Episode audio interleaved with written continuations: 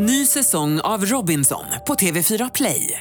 Hetta, storm, hunger. Det har hela tiden varit en kamp.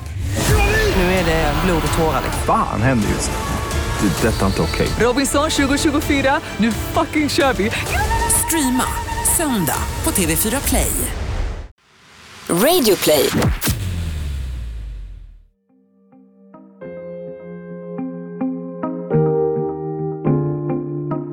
De stora nyhetshändelserna drabbar oss intensivt, men efter ett tag bleknar de bort. Men för de som var där stannar minnena från dramat alltid kvar. Den här podden är deras berättelser. När Sveriges statsminister Olof Palme mördades en isig vinterdag hamnade alla i chock. Från privatpersoner till poliser och politiker. Och i händelsen, som en av de sista som såg Olof Palme i livet, befann sig SVT-journalisten Göran Ågren. Välkommen till Jag var där, en podcast från Radio Play med Andreas Utterström och Mattias Bergman.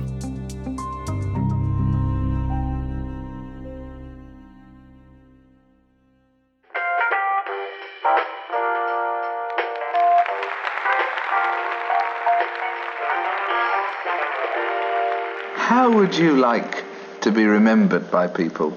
I don't mean that you're going to die tomorrow, thank God you're not. But uh, what would you like your obituary to say?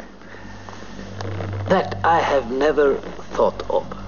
And I hope that I will, up to the very last breath, not think of it. Because I think so. The, the moment people begin to think of their obituaries, they start to be scared, they don't dare to do things, and they lose their vitality.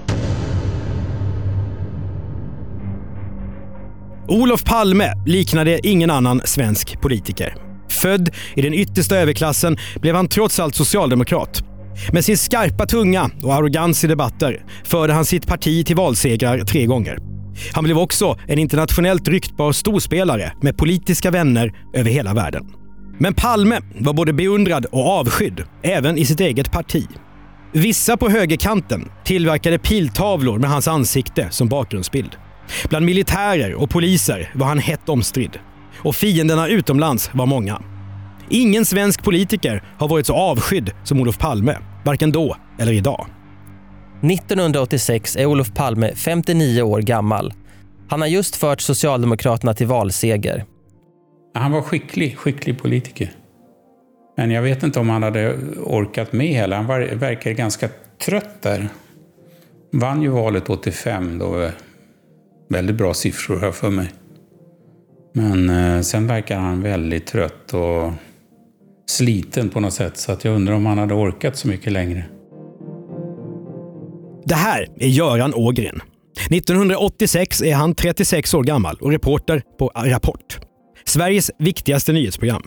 Det finns bara två tv-kanaler, vilket gör Göran till en av landets mest inflytelserika journalister.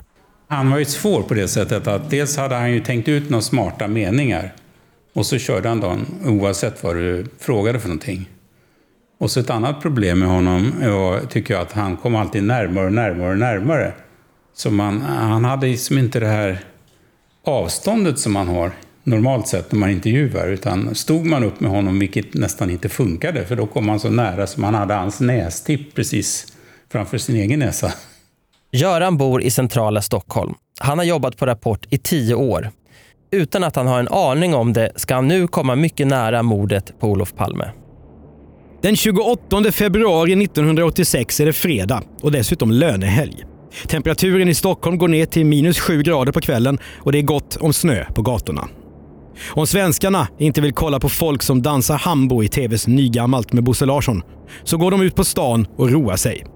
Det funderar också Göran Ågren på att göra. Ja, något jobb gjorde jag. Jag kommer inte ihåg vad jag gjorde för jobb på dagen.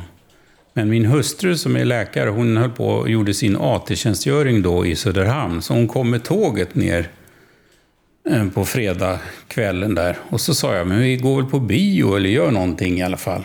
Så gick vi och eh, den andra föreställningen då. Det var ju premiär på Bröderna Mozart och Grand.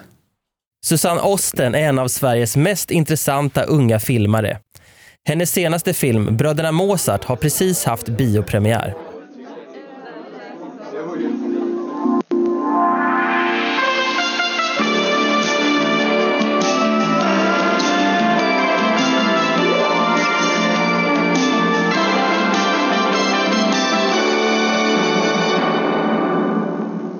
Jag hatar opera och teater som inte erkänner och tar tillvara tystnaden. Du är ju galen. Jag är Anna. Det här är allvar. Jag är Anna. Det här är allvar. Nu får du ta det här på allvar. Menar du att Mozart inte vet vad han vill? Bröderna Mozart handlar om en regissör som ska sätta upp en opera av just Mozart. Men att beskriva filmen mer än så är svårt eftersom den har många improviserade scener och är hållen i en till synes jäckande form som tillåts att då och då övergå i det overkliga. Ja, så skriver Dagens Nyheter om filmen, som alltså är långt ifrån någon populär underhållningsfilm. Men Göran Ågren och hans fru väljer den ändå. Ja, det var en ny film bara. Och så jag var lite intresserad av Susanne Osten, vad hon gjorde och sådär. Göran och hans fru köper biljetter. De går till biografen Grand 123 som ligger mitt på Sveavägen. Biografen ligger bara ett stenkast från Socialdemokraternas partikansli. Så vi gick ju dit bara och sen så kom vi lite tidigare så att vi gick runt lite grann kring biografen och gick och tittade i bokhandeln där och mittemot och sådär. Och sen gick vi in och såg föreställningen och jag bara såg på långt håll att Palme var där. Jaha, tänkte jag inte med på det. Ja, men det var inte ödet på något sätt. Det var folk alltså. Absolut. En fredagkväll. Föreställningen börjar 21.15. Inne på bion ser Göran att Olof och Lisbeth Palme också är besökare. Men de är inte de enda som han skulle kunna känna igen. Faktum är att Grand är som en smältdegel av prominenta personer den här kvällen. Göran Ågren ser att Palmes son Mårten är där med sin flickvän och möter upp Olof och Lisbeth. Björn Rosengren är också där, mäktig ordförande i fackorganisationen TCO. Proggmusikern och DN-journalisten Leif Nylén hälsar också på Palme. En annan person på Grand den här kvällen är Robert Gustafsson, 21 år gammal, som senare ska bli en av våra mest kända komiker. Han är där med sin teaterklass. Men däremot så var det, vilket var ju ovanligt, när vi hade satt oss i bänkraden, så märkte jag att det blixtrade till. Och då var det en som hade tagit en bild. Och jag såg bara vad det var för kamera han hade och sådär. Men sen tänkte jag efteråt, den där killen kanske tog sista bilden på Palme där. Bakåt så att säga. Och jag jobbade som skjutsingen på det där och fick tag på den där killen till slut. Men det var, visade sig att han hade varit och köpt en ny kamera och så vände han sig till sin flickvän som satt bredvid och tog en bild på henne. Göran Ågren sitter på rad 7, plats 121. Olof Palme sitter på raden framför. En kvinna som vill diskutera kulturpolitik stör Palme när han ska sätta sig på bion. Under filmen matar Lisbeth Palme sin man med biogodis. När filmen var slut så ställde sig alla upp och applåderade. Och det hade jag aldrig varit med om tidigare. Klockan är strax efter 23 när filmen är slut och besökarna vimlar ut i den röda foajén. Björn Rosengren växlar några ord med makarna Palme. Vi får ta och ses någon gång, säger de till varann. Björn Rosengren tänker erbjuda Palme skjuts hem, men hans fru tycker inte att de ska tränga sig på. Robert Gustafsson petar till Olof Palme på armen så att han ska kunna skryta om det för sina teaterkompisar. Han reagerar på att han tycker sig se flera personer med walkie-talkies som fattat posto kring biografen. Det skulle kunna vara Olof Palmes säkerhetsvakter. Men några sådana har han ju inte den här kvällen. Robert Gustafsson ser också en man med cowboyhatt som verkar misstänkt. Och en Audi med alla rutorna mörktonade väcker hans uppmärksamhet. Han tycker att något känns fel. Göran Ågren och hans fru pratar om vad de ska göra nu. Fredagnatten ligger öppen. Jo, då går vi ut från bion och så säger min fru så här, ska vi gå bort till Kungsgatan och ta ett glas vin någonstans, säger hon. Nej, säger jag, det är ju så kallt ute och vi har ju faktiskt vin hemma. Varför ska vi göra det för? Tjurig som jag var. Och det konstiga var ju att eh, jag hade dessutom en kamera i fickan som jag inte använde, men en sån liten Minox-kamera. Jag ofta tog bilder och sådär. Tog bilder på alla möjliga i jobbet och sådär. Och um, så jag har ju tänkt många gånger efteråt att om man har gått den där vägen så kanske man har sett något annat också. Nej, det blir inget vin på stan. Göran Ågren och hans fru går hem istället. Samtidigt promenerar Olof och Lisbeth Palme längs Sveavägen söderut på väg hem till bostaden i Gamla stan. För det här är innan Sveriges statsministrar flyttar in i Sagerska palatset. Trots att det är så pass kallt och trots att de inte har något livvaktsskydd. I Stockholm city rör sig många människor mellan krogarna. Flera känner igen och hälsar på Olof Palme som säger hej tillbaka längs Sveavägen. Göran Ågren har kommit hem. Så småningom går han och lägger sig. Ny säsong av Robinson på TV4 Play. Hetta, storm, hunger. Det har hela tiden varit en kamp. Nu är det blod och tårar. Fan händer just nu. Det. Detta är inte okej. Robinson 2024, nu fucking kör vi! Streama söndag på TV4 Play. Ett poddtips från Podplay. I podden Något Kaiko garanterar östgötarna Brutti och jag, Davva, dig en stor dos skratt. Där följer jag pladask för köttätandet igen. Man är lite som en jävla vampyr. Man har fått lite blodsmak och då måste man ha mer. Udda spaningar, fängslande anekdoter och en och annan arg rant. Jag måste ha mitt kaffe på morgonen för annars är jag ingen trevlig människa. Då är du ingen trevlig människa, punkt. Något Kaiko, hör du på Podplay. Därför är gardinerna.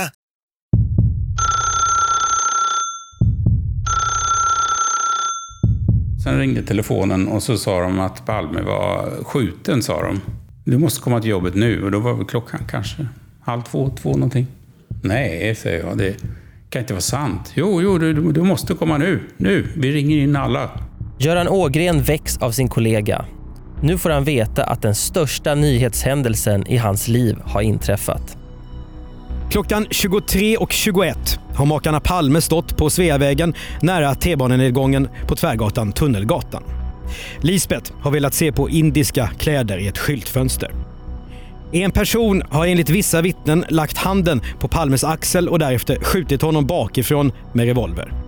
Ett andra skott har skadat Lisbeth, men det har hon knappt känt i chocken av att hennes man segnar ner bredvid henne.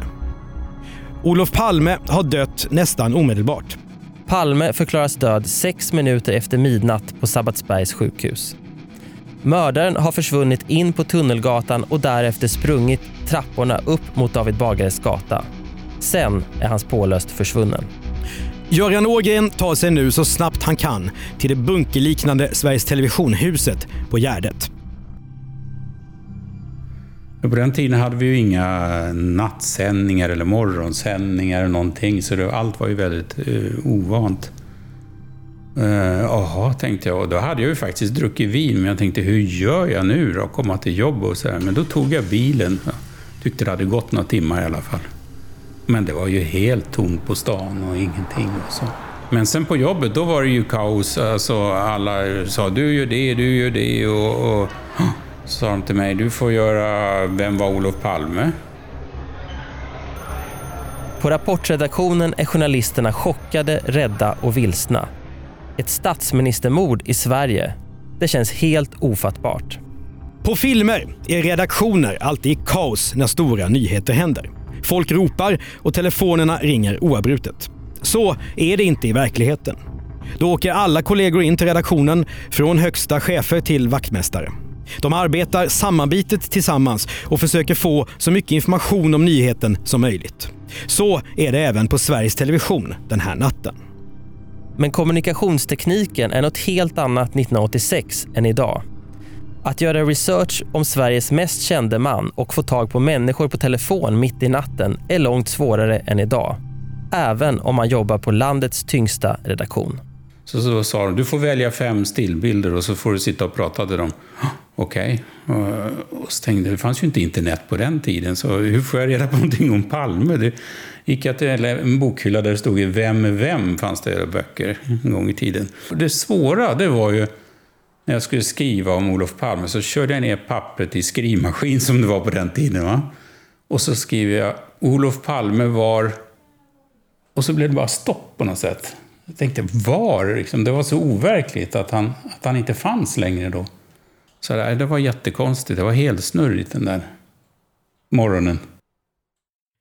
Normalt sett har medierna så kallade dödsrunor över kända personer klara om något skulle hända. Det är alltså texter där personens liv beskrivs.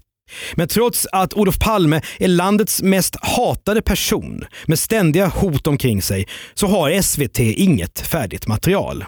Därför tar det nu två och en halv timme för Rapport att få ut någonting. Ja, det gör det ju alltså. Och, eh, men eh, det tyckte jag var fantastiskt ändå, med tanke på att ingen var ju på jobbet. Det var en chock för alla på något sätt. Och, och man tänker ju så konstigt att... Man tänker idag så, jag menar, det, det tog väldigt lång tid innan nyheten kom ut. Det dröjde ju som, för en del dröjde ju till lördag eftermiddag innan de hade förstått att Olof Palme var mördad. Och, och, jag menar, och det finns inga bilder. Idag skulle det ju finnas bilder hur mycket som helst. Inte en bild finns det. De flesta svenskar sover och har ingen aning om att landet har drabbats av ett statsministermord.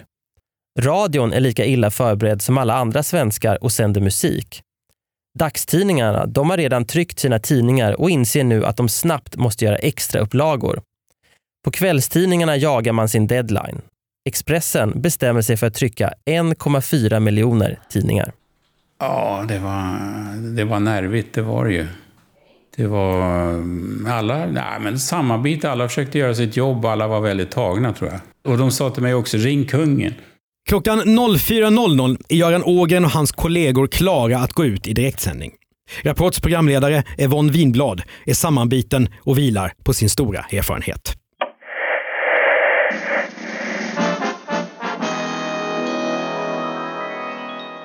Statsminister Olof Palme är död.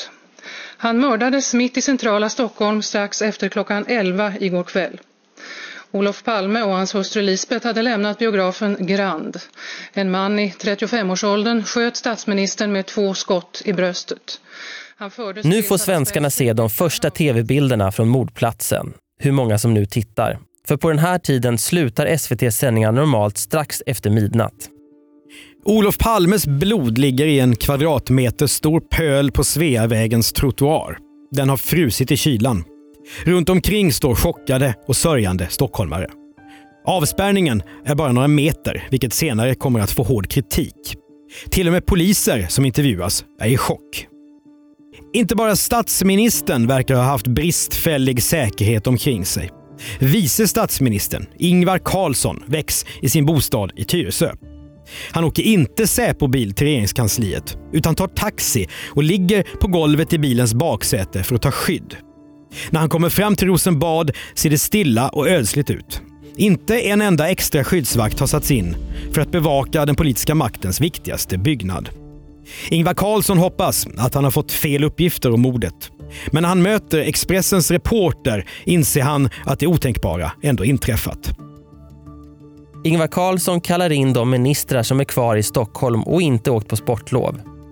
Det anses givet att han nu blir den som riksdagen röstar fram till ny statsminister. Bara några ord i Rapports sändning klockan fyra handlar om polisens jakt på statsministerns mördare. Det skulle kunna betyda att arbetet är så intensivt att ingen bryr sig om medierna. Men så är det inte. Istället är det polisens förlamning som inte har släppt ännu. Åtta minuter över fyra är det Görans tur i Rapports livestudio. Han har alltså varit partiordförande sedan 1969. Göran Ågren. Olof Palme som den 30 januari fyllde 59 år började sin karriär redan 1952 då han valdes till ordförande för Sveriges förenade studentkårer. Två år senare knöts han till statsrådsberedningen där han blev en av statsminister Tage Erlanders närmaste medarbetare. Jag är nog rätt fokuserad på uppgiften. Men alltså det fanns ju samtidigt ett, eh, ett hot mot Palme. Det var ju alla medvetna om på något sätt. Han var ju väldigt utsatt så hela tiden. Så att, ehm, ja, nej, man funderar ju vem, vem, klart vem det kunde vara. Och tänkte väl att, som de flesta andra, att det var någon organisation eller något politiskt på något sätt. Göran Ågren är den av alla på Rapport som är närmast själva nyheten. Han har ju befunnit sig bredvid Olof Palme bara 20 minuter före mordet, i foajén på Grand. En självklarhet för journalister att berätta om, till och med i en stressad extrasändning. Dessutom innebär det ju att Göran säkert kommer att höras av polisen om vad han har sett och hört. Men det här får man inte veta i Rapports extrasändningar. För Göran Ågren har inte berättat det för sina nyhetschefer. Jag ska säga att jag sa ingen till någon på, på redaktionen att jag hade varit på bion. För att jag var så chockad på något sätt. Så att det, det sa jag ju efteråt, men, men då, då sa jag ingenting. Jag var, det var så konstigt allting. Det var som en ja, mardröm. När Göran Ågren åker hem för att försöka sova lite är klockan nio på morgonen. Då brukar svenskarna normalt sitta och äta frukost och titta på tv-programmet God morgon Sverige med Fredrik Belfrage. Ett trevligt program från Göteborg med intervjuer, musik och lite tecknad film som sänds varje lördag. Men den som knäpper på tvn den 1 mars 1986 får se hur nyvakna stockholmare kastar rosor över blodfläcken på Sveavägen. När Göran Ågren vaknar går hans tankar tillbaka till biobesöket. Självklart kommer biografen Grand nu att bli en av de viktigaste platserna i Palmemordsspaningen. En mördare, eller om flera har varit involverade i mordplanerna, de kan ha varit i foajén eller stått utanför Grand och väntat. Kan mördaren ha följt makarna Palme på promenaden längs Sveavägen efter bion? Faktum är att en av Sveriges värsta våldsmän, lasermannen John Ausonius, har jobbat just på biografen Grand. Men han har alibi eftersom han sitter i fängelse vid tiden för mordet. Göran Ågren funderar över om han har sett något misstänkt. Var gatulivet runt bion och Sveavägen verkligen som vanligt kvällen innan? Göran drar sig till minnes en person med speciell uppsyn. Han väntar nu på att polisen ska höra av sig, säkert inom några timmar. Efter två år tror jag så kom det ett papper hem där det stod att eh, om du kan berätta om dina iakttagelser i samband med biobesöket och sådär. Två år. Trots att biografen är en central plats i utredningen. Hur ska vittnesmålen gå att använda då? Vem minns alla detaljer korrekt om ett biobesök efter så lång tid? Att vara vittne är svårt nog direkt efter en händelse. De viktiga första dygnen i mordspaningen går fort. Ingen sannolik mördare grips.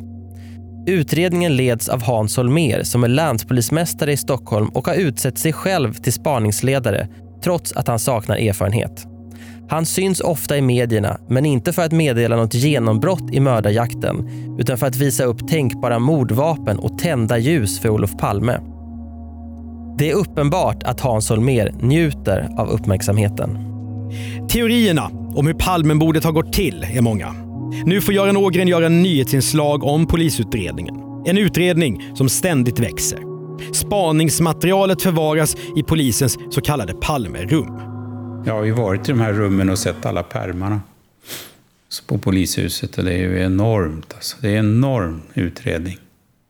Jag vet inte hur många tusen pärmar det är. Månaderna efter mordet misstänker polisen den så kallade 33-åringen Viktor Gunnarsson som är Palmehatare. Men han släpps och spåren leder allt mer utomlands. Kan det vara den kurdiska terrorstämplade organisationen PKK som mördat statsministern? Hans Holmér själv tror det och riktar polisresurserna mot kurder i Sverige. Men andra är skeptiska. En av dem är Göran Ågren. Nej, nej. Är det verkligen de som ligger bakom och sådär? Nej, tyckte man var... Utredningen kommer att växa och växa och bli till en av världens mest omfattande. Jo, men det är klart, jag har ju läst allting. Och, ja, men det fanns ju hot och det var eh, Indien och det var Sydafrika och jag menar visst, det fanns ju mycket. Skulle alltså man tänkte ju hela tiden att det måste vara något internationellt på något sätt eftersom Palme var väldigt internationell och deltog i en väldig massa saker utomlands. I medierna beskrivs hur Palmespanarna fokuserar på Grandmannen, Skandiamannen, Arlandamannen. Tusentals personer figurerar i pärmarna i spaningsrummet. Svenskarnas förtroende för polisen försämras för varje månad som går. Men bara en person kommer att stå inför domstol för att ha mördat Olof Palme. Och det är Christer Pettersson. Sluta med den där jävla liksom provocerande tonen mot mig. Vet du. Kom inte med en sån jävla provocerande och aggressiv ton mot mig. Vet du. Jag tycker det är helt riktigt. att- Passa dig jävligt noga. En alkoholist och narkoman som bor i Rotebro norr om Stockholm.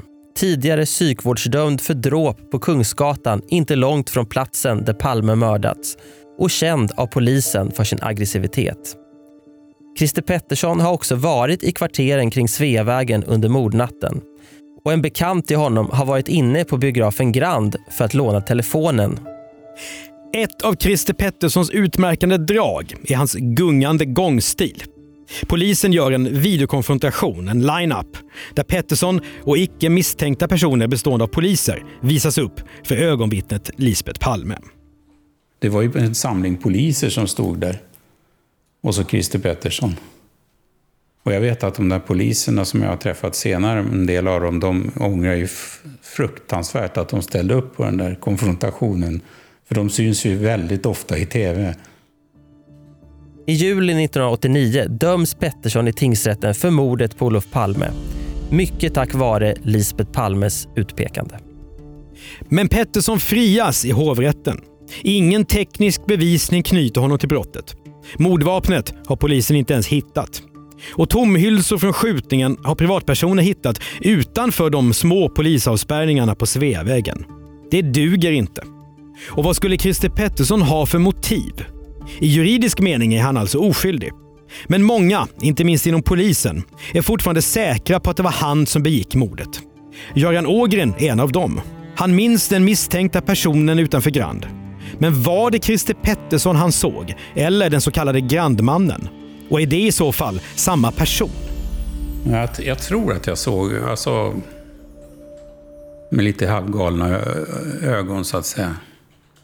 Och sen efteråt när de hade gripit Christer Pettersson, ja men är det han? Just det, då kände jag igen honom. Men jag kan inte säga om jag såg honom utanför bion med 100 procent eller om jag sett honom någon annanstans. Jag hade sett honom i alla fall tidigare. Göran Ågren är övertygad. Ja, jag tror ju att det är han. Uh, jag menar, han fanns bevisligen i närheten av, av biografen och han hade tillgång till vapen.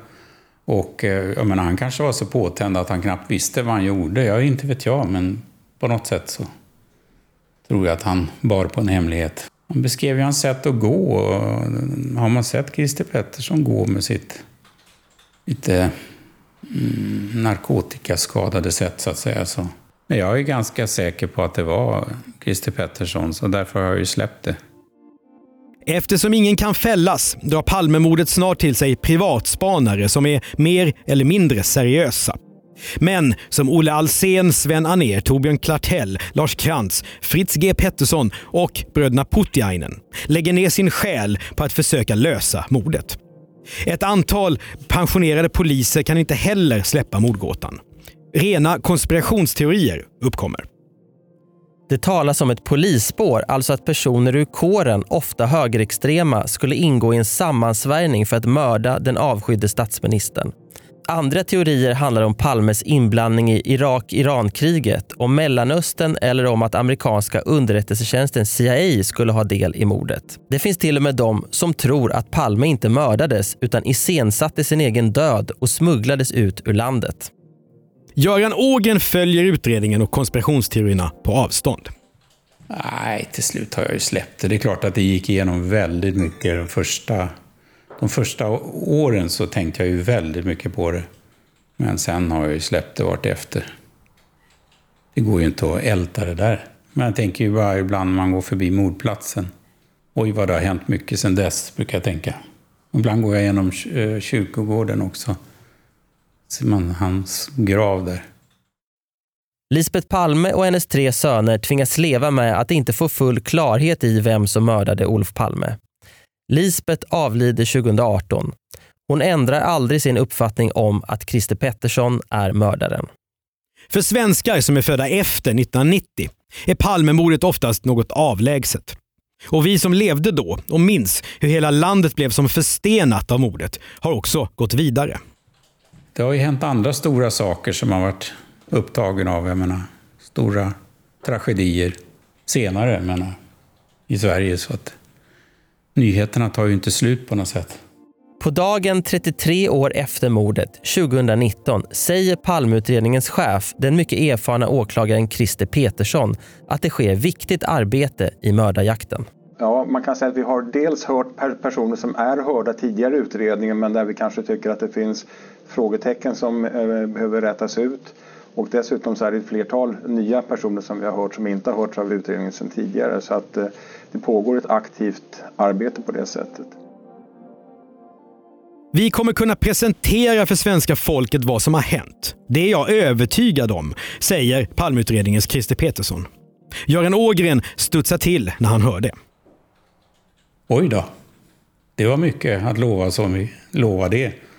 Men kommer han verkligen att kunna hålla det? Det är tveksamt. Det blir ju liksom lite ironiskt. Man tittar och så oj, nu har de löst Palmemordet igen.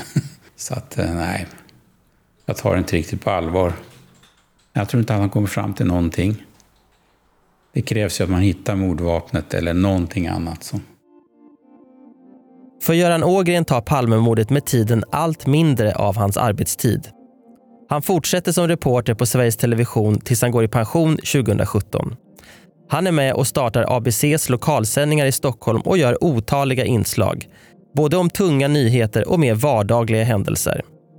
De blir ofta uppmärksammade. Som när britter förbjuds dricka öl på Gärdet i samband med fotbolls-EM 1992. Då klär sig Göran Ågren i tweed och pratar engelska för att visa hur dumt beslutet är.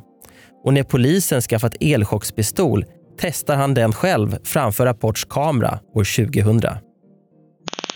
Då ska vi prova hur det är när polisen har fått sitt nya vapen, hur det blir då, en sån här elektrisk pistol. Himmel! Ja, det gjorde ont, det kan jag tala om. Det är inte lätt att vara kriminell idag, tror jag.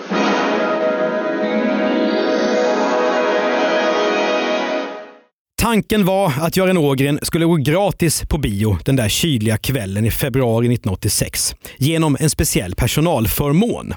Men så blev det inte. Istället sparade han biobiljetten till bröderna Mozart kvar hemma. Alltså jag har ju sparat biobiljetten. Och det gjorde jag för att eh, där står Grand ettan. Och så har jag skrivit på baksidan med skrivmaskin Bröderna Mozart och datum där 86 02 28. Men jag lämnade aldrig in den här. Alltså, på jobbet så fick de ville att man skulle se mycket film. De tänkte att då gör vi bättre tv. Så tänkte de då. Så att man fick hela tiden, om man lämnade in biobiljetten och skrev vad det var för föreställning, så fick man tillbaka pengarna på jobbet. Det var väldigt bra. Men den här lämnade jag aldrig in. Jag tänkte den sparar jag. Du har hört Jag var där, en podd från Radio Play av Andreas Utterström och Mattias Bergman. Exekutiv producent Jonas Lindskov. På Radio Play kan du också höra våra andra poddar Misslyckade affärer, misslyckade brott och misslyckade makthavare. Eller Världens bästa innehåll, en podd vi gör utifrån vårt bolag Commercial Content. Betygsätt och recensera oss gärna så är det fler som hittar till podden. Om du har tips på andra stora nyhetshändelser där du tycker att vi ska leta upp någon av dem som fanns med i utkanten, så mejla oss gärna till jagvardar.bplus.se. Ny säsong av Robinson på TV4 Play. Hetta, storm, hunger. Det har hela tiden varit en kamp. Nu är det blod och tårar. Fan händer just det. Det är detta inte okej. Robinson 2024, nu fucking kör vi! Streama söndag på TV4 Play.